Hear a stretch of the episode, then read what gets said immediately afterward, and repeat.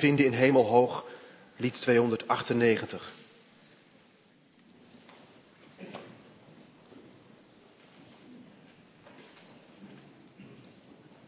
Je zal er maar last van hebben. Op je werk bijvoorbeeld. Zo'n collega die er altijd beter uitziet dan jij. Die meer succes heeft. En die altijd de aandacht weet te vangen met de meest interessante verhalen. Zo'n collega bij wie je je eigenlijk altijd in de schaduw, schaduw voelt staan. En hoe langer je met hem of haar optrekt, hoe negatiever je over jezelf begint te denken. Vergeleken bij die ander voel je jezelf lelijk, zwak, saai en bleek. En als dat maar lang genoeg duurt, dan kan er in je hart een plantje gaan groeien, een onkruid van afgunst, van jaloezie. Waarom hij, waarom zij zus en ik zo. Of je kijkt naar het huwelijk en het gezin van goede vrienden van je. En daar is altijd harmonie en gezelligheid. En het loopt er op rolletjes. Het klikt en het, het bruist. De kinderen doen het goed. Het lijkt wel alsof ze altijd de wind mee hebben. Nooit echt narigheid. En in plaats van dat je blij bent voor ze, kijk je ineens anders naar je eigen, eigen leven. Hoe dat met jou gaat. En je man of je vrouw en je kinderen. En dat het daar soms, soms zoveel stroever aanvoelt. En dat je, dat je voor je gevoel altijd op je tenen moet lopen of op eieren moet lopen om het goed te houden. Om er iets van te maken. En het vervelende is, hoe, hoe vaker je bij die goede vrienden bent, hoe ongelukkiger je je van binnen voelt. Waarom zij zo happy en wij zoveel minder. En de jaloezie borrelt op. En het is soms sterker dan jezelf. Dat gevoel van jaloezie, het is echt een rotgevoel. De spreukendichter, een van de Bijbelschrijvers, zegt: Jaloezie knaagt aan je botten. Jaloezie knaagt aan je botten. Het zeurt, het schrijnt, het ettert. Het voelt als een venijnig monstertje met hele scherpe tanden dat van binnenuit, zoals Pac-Man vroeger, alles opeet wat blij is en wat vredig is en, en, en wat harmonie geeft. En, en het laat je achter met een akelige, bittere, zure leegte. En, en, en in die leegte kruipt iets van onrust en van onvrede, omdat je eigenlijk niet op je plek kunt zijn. Dat iets in je is wat altijd daar wil zijn waar de ander is.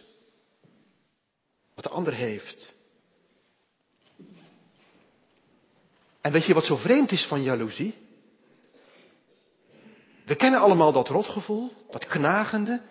En tegelijkertijd vinden we het best wel fijn als anderen jaloers zijn op ons. Reclamemakers spelen daar schaamteloos geraffineerd op in. Als je nu eens dit draagt en dat op je huid smeert en dit koopt, dan zullen de blikken naar jou gaan. De blikken van bewondering, de blikken van benijden. Er was dus een slogan van een automerk dat dat gewoon letterlijk zo zei. Performance, reliability and envy. Prestatie, betrouwbaarheid en jaloezie. Drie redenen om deze auto te kopen. En je krijgt het gevoel dat, dat in onze tijd, in de 21ste eeuw, in het Westen, de jaloezie nog meer ruimte heeft. Kijk, vroeger, vroeger werd je geboren in een sociale klasse en daar zat je dan. Als je een burger bent, als je voor een, kwartje, als je voor een dubbeltje geboren bent, dan blijf je een dubbeltje. En dat is oké, vond men toen. De enkele uitzondering na, nagelaten en daar wordt dan een boek over geschreven. Maar de grote groep mensen, Daarvan dachten de burgers, dat dit is mijn leven, het is een fact of life. En je hebt ook prinsen en helden. Maar wij zijn burgers. Maar in de 21ste eeuw, in Nederland, Zijn we allemaal gelijk geworden? En weten we allemaal evenveel? Zoveel als op onze smartphone te vinden is. En als iedereen gelijk is en er steekt iemand bovenuit, ja, dat voelt niet goed. Dan denk je waarom hij wel en voor mij zou het toch ook kunnen. Ik hoorde van de week dat 60% van de Nederlandse jongeren beroemd wil worden. 60% wil beroemd worden. Niet, om, niet als bijeffect van ergens goed in zijn, maar beroemd worden als doel op zichzelf. En het is ongelooflijk hoeveel mensen zich tegenwoordig aanmelden voor allerlei talentenshows en reality soaps. Iedereen is op zoek naar zijn tien minuten van glorie en roem. Ik was van de week in Ede op de TEDx-dag. Het was echt een feest. Het was echt inspirerend. De hele dag door mensen die TED-talks geven. Een rode stip, een, een, zaal vol publiek. De camera's registreren alles. En die talk die jij geeft, kan de hele wereld overgaan. En kan je in één klap wereldberoemd maken. Nou, de sensatie die daarvan uitgaat en de aantrekkingskracht, de magie. Als ik nu eens in tien minuten dat ene briljante idee neerzet op een inspirerende manier, dan heb ik miljoenen volgers en vrienden. Nou ja, zo groot zoekt u het misschien niet, maar wat zit er eigenlijk diep achter dat dagelijks posten van ons op Facebook? Van een fotootje en een berichtje. En wat we om ons heen tweeten en twitteren. Zit daar diep van binnen ook niet iets in van, kijk mij nou, kijk ons eens. En het vreemde is dus dit. Jaloezie is een rottig, knagend gevoel. En tegelijkertijd voeden we het met elkaar constant elke dag. Nou ja, en dan zegt Paulus, ik heb geleerd tevreden te zijn. En je mond valt open en je denkt, Wauw, Paulus. Bedoel je echt tevreden als in tevreden? Vrede?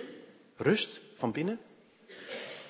Ja, zegt Paulus, ik heb geleerd, geleerd, niet van huis uit, ik heb geleerd tevreden te zijn in de omstandigheden waarin ik verkeer.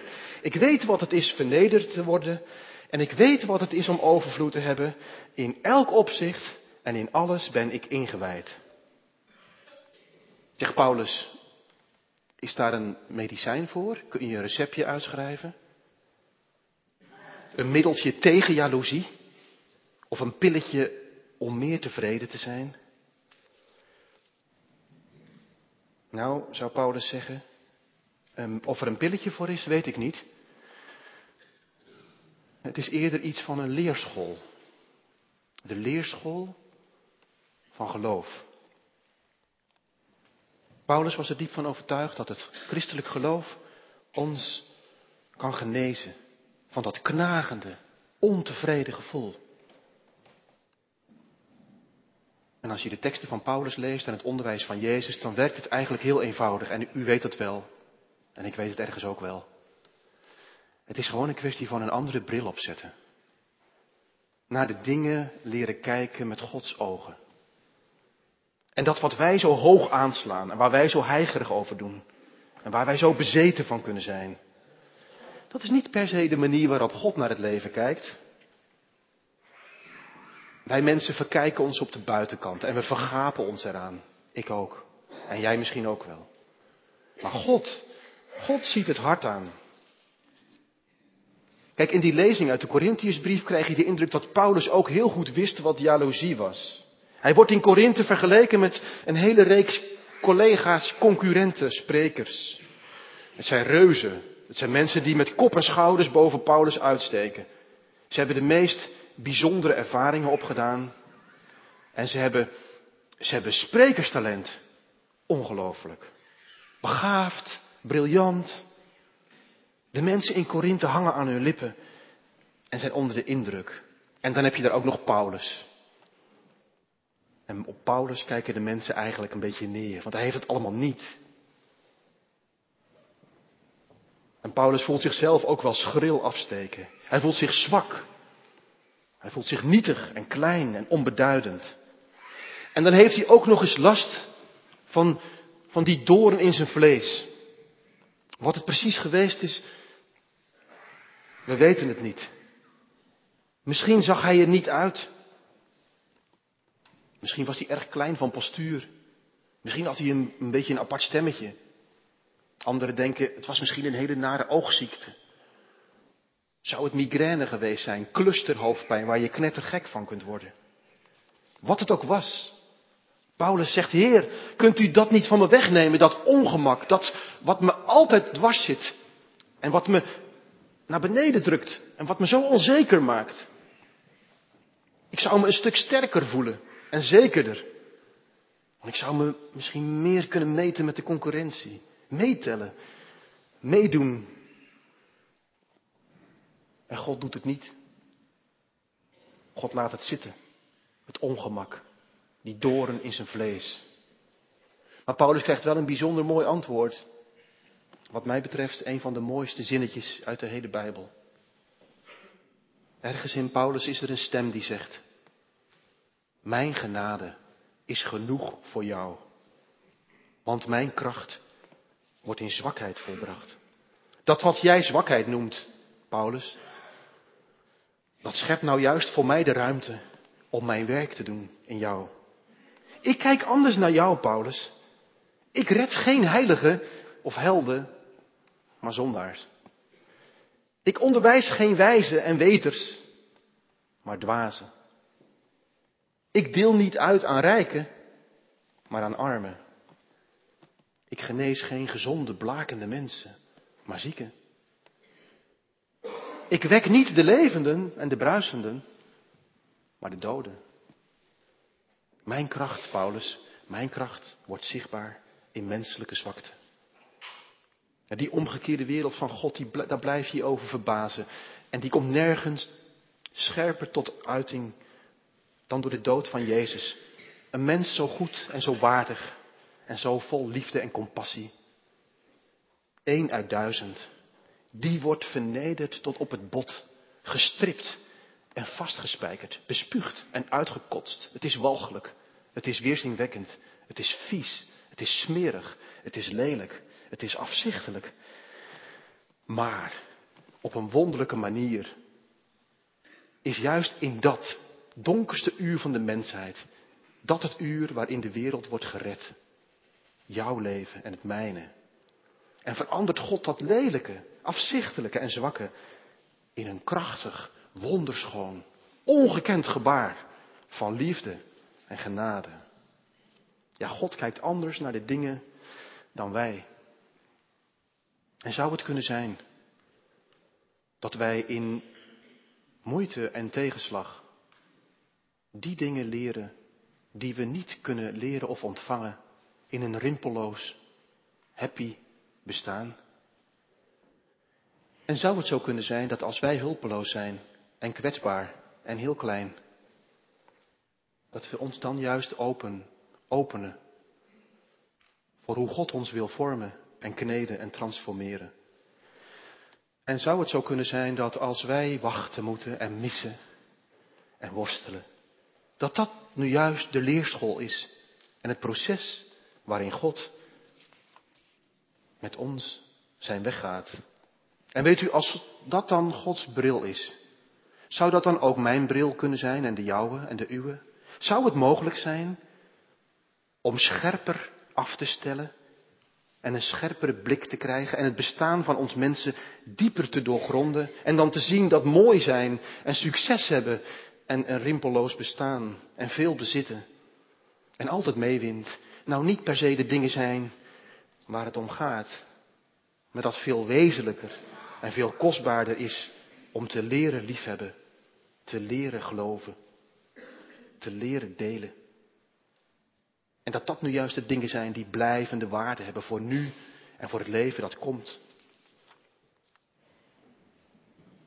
Het was één gedachte van de verkondiging. Er is misschien nog wel iets. Weet u, in dat jaloeziedenken van ons zit vaak een heel dik ik. Het dikke ik. Premier Mark Rutte had het er laatst over. Het komt van een filosoof die onze tijd heeft doorgrond en gezegd, wij mensen in deze tijd, in dit land, hebben last van een opgezwollen ik Ja, en als je zo kijkt, ja, dan, dan tiert de jaloezie daar welig. Alles moet passen in jouw dikke ik. Maar je kunt ook anders kijken. Je zou ook kunnen denken in termen van gemeenschap en van samen.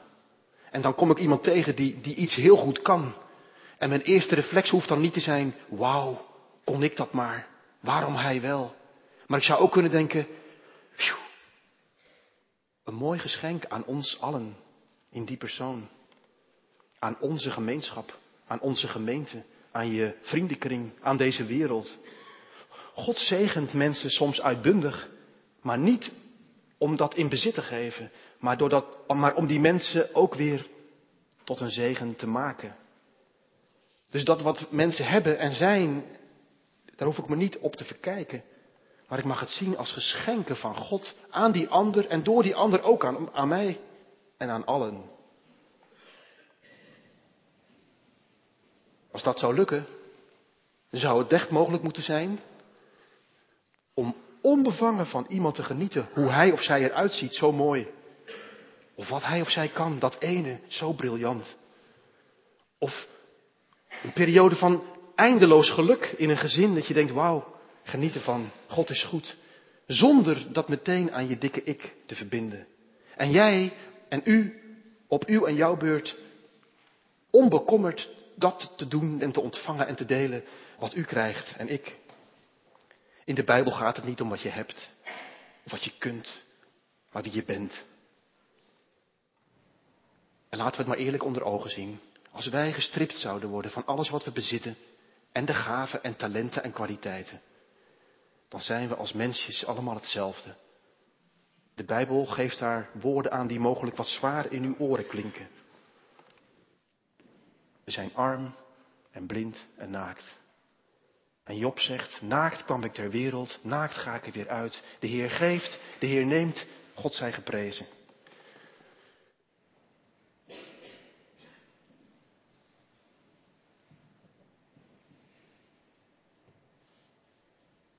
Vandaar dat Paulus, als hij zegt, ik heb geleerd tevreden te zijn, er één ding bij zegt. Hij zegt, ik heb geleerd om tevreden te zijn.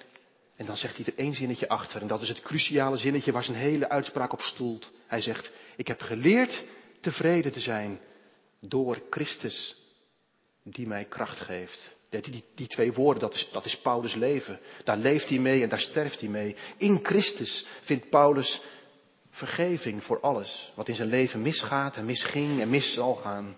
In Christus vindt Paulus heling voor zijn bestaan wat gebroken is. In Christus vindt Paulus vrede voor een jaloers hart. En in Christus vindt Paulus bevrijding van dat wat hem soms zo vastzet en beklemt en naar de keel vliegt. In Christus vindt Paulus een heel nieuw leven, een heel nieuw hart. Dat is ook wat doorklinkt in de kerntekst van deze preek. Mijn genade is voor jou genoeg. Mijn genade. Daar hoef je niks voor te doen. Dat hoef je niet te verdienen. Dat geef ik je bij voorbaat. Gratis en voor niks. En niets wat jij of u doet maakt dat groter. En niets wat jij of u doet maakt het kleiner. Het is mijn geschenk. Helemaal voor jou. Op mijn kosten. Ik trakteer. Dat is genoeg voor je. Genoeg om mee te leven, genoeg om gelukkig te zijn en tevreden, geluk, en genoeg om ook in rust te sterven. Beste doopouders, even onder ons, we hebben drie, eh, drie avonden met elkaar opgetrokken. Het was prachtig om dat mee te maken. Drie avonden om ons voor te bereiden op deze dienst. En jullie kinderen Lucas en Vera en Björn en Haley, die hebben vandaag echt een bijzondere start gemaakt.